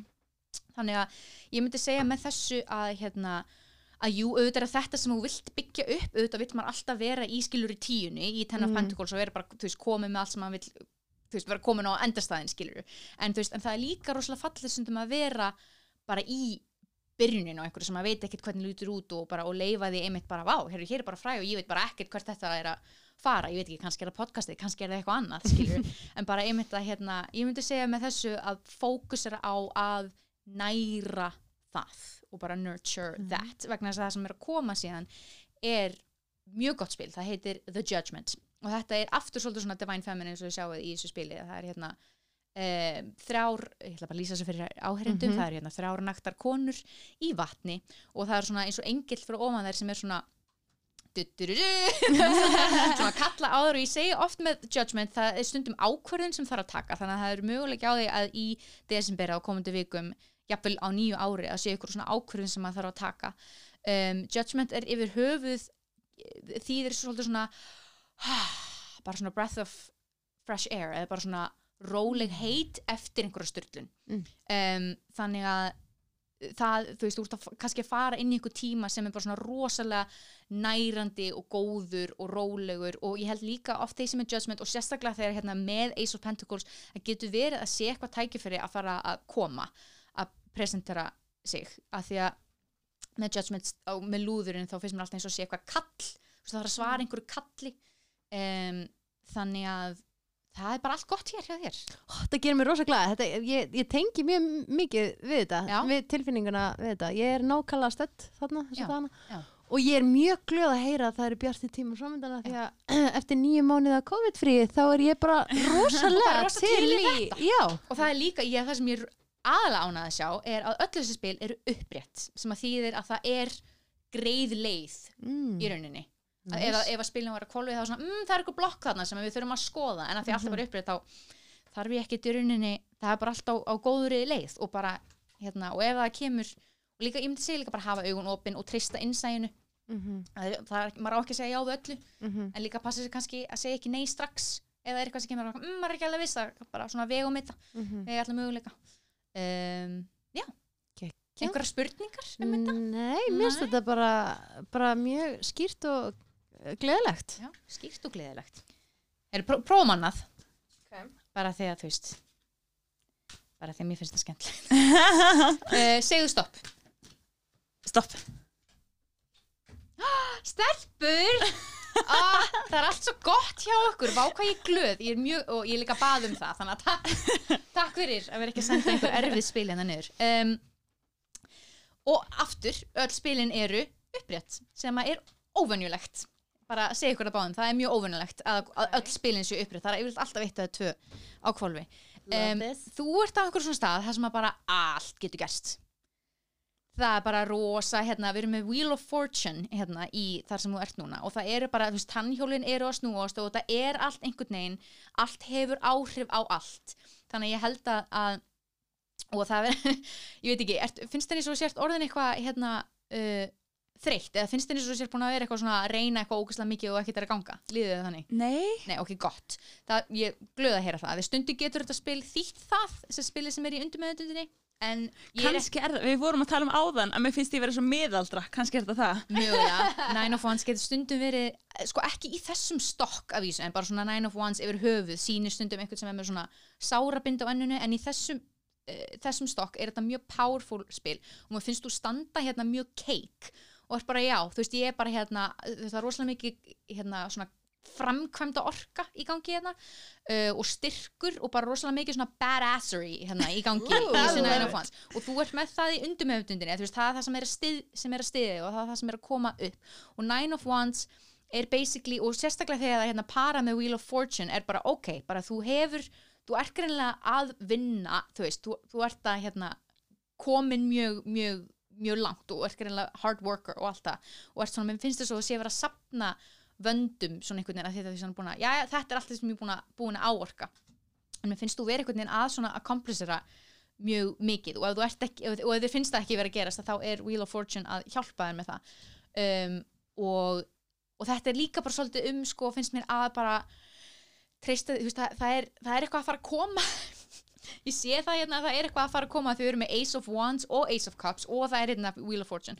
Og þau eru bara að segja, þú veist, ekki hætta hvað sem, sem það er sem þú ert að gera ekki, ekki stoppa um, halda áfram að því ef þú heldur áfram þá halda hjólin áfram að snúast. Og þá mun eventually, skil, og ég, er, ég nota rúm, mjög mikið handafendingum, það er verst að það er ekki við erum ekki á YouTube akkurat núna. Uh, hérna, þá, þú veist kemur það aftur til þín. Þetta er svolítið líka bara svona það sem þú sendur út kemur aftur til þín og bara ekki gefast upp bara þú ert rosalega hérna, sterk og, og orkumikil. Og það sem kemur svo hérna með hvað þú átt að fókusur á er Ace of Wands. Og Ace of Wands er líka eh, rosalega mikið um ný tækifæri, mér finnst þið, þú ert með Ace of Wands og hún er með Ace of Pentacles. Uh, Ace of Exciting Wands times. yeah, exciting times. En Ace of Wands er aðeins öðruvísi vegna þess að þetta er aðeins meira svona að meðan Pentacles er svona, svolítið meira svona gjörðu svo vel, hér er tækifæri hvað ætlar að gera við það? Og aðeins meira svona að, að þú veist, að næra það bara, já, hvað er þetta sem ég vil byggja upp? Ace of Wands er aðeins meira svona svona, hvernig ég orða það, bara svona aðeins meiri eins og þú sér bara, þú veist, eldur svolítið með því. Er þetta Ace of Wands? þessi hérna, Og hitt var ég? Nei. hitt var hvað? sem að þú fegst áðan. Já, áðan, já, já. Ace of Pentacles, sem var svona með svona, Mm svona viðjum. Um, þannig að þetta er næst meiri svona framkvæmd orku Ace of Wands er, getur oft þýtt líka uh, hérna nýjar hugmyndir og nýtt svona, þú veist, út að hrinda það er eins og sé eitthvað svona að hrinda hlutum í framkvæmd um, eða hvort það er bara að hérna sko, að því að það kemur líka hérna, sorry, ég ætla að fara yfir í næsta spil að því að það er, við erum líka hérna með Ace of Cups og Ace of Cups er rosalega creative spil og það er rosalega loving spil, rosalega hérna ertu í sambandi? Já. Ok, þá er það bara gott. Uh, að hérna það er rosalega mikil ást og hérna og, og Ace Cups er allt um tilfinningar sko og það er hjarta á þessum, á þessum, hérna, á þessum spili. Það sem er svolítið að koma í, í desember og í svona náinu framtíð er svolítið bara hérna, bara rosa mikið í hjartastöðinni og bara svona ah, bara svona gott í hjartað og ég sé líka þú veist það er svona að þegar speilmyndina í, í spilinu að þá er, er möguleiki á self-reflection og, og ég held að sé rosalega margt einmitt eins og ég var sem Wheel of Fortune er að fara að koma til þín og fylla upp fill your cup, skilur um, og það sem að og ég myndi eiginlega fókusera á sko maður geta að draga hérna clarifying card hérna fyrir þetta? Ég skil ekki alveg hvað þau eru að meina. Nei hérna. Getur verið aðeins meira specific ó ok. Þá erum við með hérna the Hierophant. Ok, þú ert sem sagt hérna á greinilega einhverju, einhverju vegferð. Uh, getur þú sagt mér hans frá því? Finnst, þú að vera einhverju svona andleiri vegferð? Eða einhver sem úrst að læra eitthvað eða ert í hérna Sko, ég er náttúrulega bara alltaf að læra eitthvað. Ok, og ég er líka, sko, Katrin gerir reglulega grína mér fyrir að vera svona væminn spirit típa, sko. Og hérna, já. Sko, Eyður býr á Zoom að því hún er alltaf á einhverjum námskeiðum í COVID. Hún er, að Ok. pí- hún er að læra pílateskennara núna, það ekki? mm Jú, það er hendur ekki Zoom sem Petur fyrir en þú veist, ég er alltaf eitthvað, ég elska að læra eitthvað og það getur verið bara, þú veist, það getur verið að læra eitthvað á einhver námskeiði eða bara fara út í náttúruna og læra, þú veist, eitthvað að horfa á þrýin eða þú veist, Já. það getur verið bara hvað sem er Já, geggja, þetta er er The Hierophant sem er í tré og það er kannski það sem að er bara er verið að segja að Ace of Wands getur líka verið byrjunin á einhverju svona uh, ferð eða byrjunin á einhverju nýju, byrjunin á einhverju vegferði Hierophant er rosa mikið um það einmitt að læra, hefur með skóla að gera hefur með andlega vegferð að gera um, og mér finnst eins og þú sért líka að, að það fyrir að fókusera svolítið á að vera grounded uh, og fókusera svolítið á að því ég sé hérna tré og hann er svona í lótusstellingunni hérna upp við, alveg upp við tréð að hérna bara fókusera svolítið á á það að vera, að vera svolítið grounded. En það Hierophant er rosalega andlegur það Hierophant er rosalega hérna um, uh, já, svona að, að læra og líka að kenna. Þannig ég veit, já, þú ert að læra pílatiskennaran Já, já, já, ég, ég verður líka báðdanskennarar. já, Þannig, ok, já. einmitt. Þannig að það er, þú veist, það er eitthvað það er eitthvað með þetta andlega, eitthvað með að kenna eða læra sem að er að koma í gegn með það sem að þarf að fókusera á. Og svo bara kemur einn Cups og Cups getur líka verið bara, hérna algjört svona, hérna bara svona ha, ég veit ekki hvernig lýsa það sko, þú sér það bara sjálf hérna í, í spilinu sjálfu, svona hvað það er sem er að koma. Og mér finnst einhvern veginn með þetta Wheel of Fortune og með þennan Hierophant og með þessu tvo ása hérna, Ace of Wands þá finnst mér eins og það sé það er eitthvað að fara í gang og ég, kannski get ég bara ekkert séð almennilega hvað það er af því kannski getum við ekki vita nákvæmlega hvað það er við erum ekki komin að þann stað í tannhjólinu eins og það er hérna á þessu spili. En þegar Wheel of Fortune er hérna þá er bara ok, allt getur gerst. Þannig að halda bara áfram á þessari, á þessari hérna vegferð sem þú ert. Og ef það kemur eitthvað nýtt tækifæri Ace of Wands getur líka þýtt sko að flytja eða þú veist hérna eitthvað svona tækifæri sem er utan hérna uh, æ, það er svona oft svona ferðalags hérna, tengt, skilur já, þú kannski farið inn í, nýju beigafjöli eða eða bara nýr karriér yfir höfuð eða þú veist, eitthvað svona sem að er bara hérna, sem að getur þýtt að maður þurfi að ferðast hvort sem það er í bókstaflegum tilgangi eða þú veist, bara flytja sig um set bara svona í því hvað maður er að gera í lífinu. Um, þannig að já og ég held að hjá okkur báðum þú ert að fá judgment í, hérna, í desember og í náinn fram, þú ert að fá Ace of Cups þannig að við mér vera mjög svona kærleiksrík svona going with the flow tilfinninga orka að koma í gang og bara muna, sérstaklega í desember að muna að uh, leggja að hérna, þetta er líka svo mikið svona self-care spil, Ace of Cups, að bara muna það í desember þegar jólinn koma og allt verður crazy, það er að vera einhver COVID-jól að hérna, að muna það Ó, geggjað, exciting, Og takk bara fyrir Líka sko kvílíkur endir á Ó. þættinum og byrjun á the rest of our lives. Ég heldur betur Ah. Það er eitthvað vinkona. rosalegt að fara að koma hérna hjá okkur báðum. Það ég Ú. fengum þrjá ása. Það er eitthvað mega byrjun. Þetta að er fara í mjög kærkomið á þessum, þessum gráu tímum Líka bara óðvast að tala um svona ferðalög og eitthvað svona alls konar og, og, og tala um, þú veist, eins og vinnuna hjá þér og eitthvað svona að bara, að það gefur mann svona eitthvað svona bjartar vonir Já. fyrir betri tímum og eitthvað, það Eftir, geggja. það er líka sko, þú veist, að vera listamæður í COVID þú veist, það er erfitt fyrir alla að vera í COVID ég er ekki að segja að sé erfitt fyrir listamæður einhvern annan, ég ætla ekki að meta það en þú veist, við erum náttúrulega búin að vera frá vinnu tölvert lengi Já, og það, það hérna, er komið svolítið, það er komin smá COVID-þreita í menn og, og COVID-þreyta. mann man þarf man þarf svona smá innspýtingu sannarlega höldum og þetta út. inspirasjón. Við höldum þetta út. við höldum þetta út, við klárum þetta Eitt yfirbútt sem ég verða að segja með þetta spil Já. og ég ætla að segja það af því þú ert að læra svo segir þú ert að læra svo mikið og þá er maður náttúrulega að læra af öðru fólki. Og að því ég sé með þennan að hann heldur á likli þannig að bara muna það að likillin er í okkur sjálfum ekki bara hjá öðru fólki og því sem maður lærir þú veist það er líka. You hold the key. Oh, geggjuð lokar.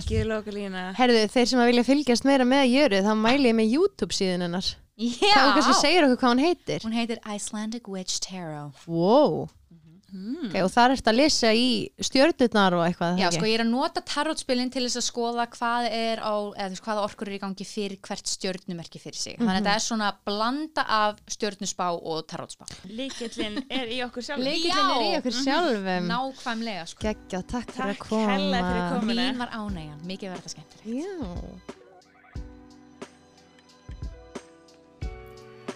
Velkomin í nammiskálina er vikulegu þáttur stjórnaður af Auði Bergdísi og Katrínu Mist Haraldsdóttur.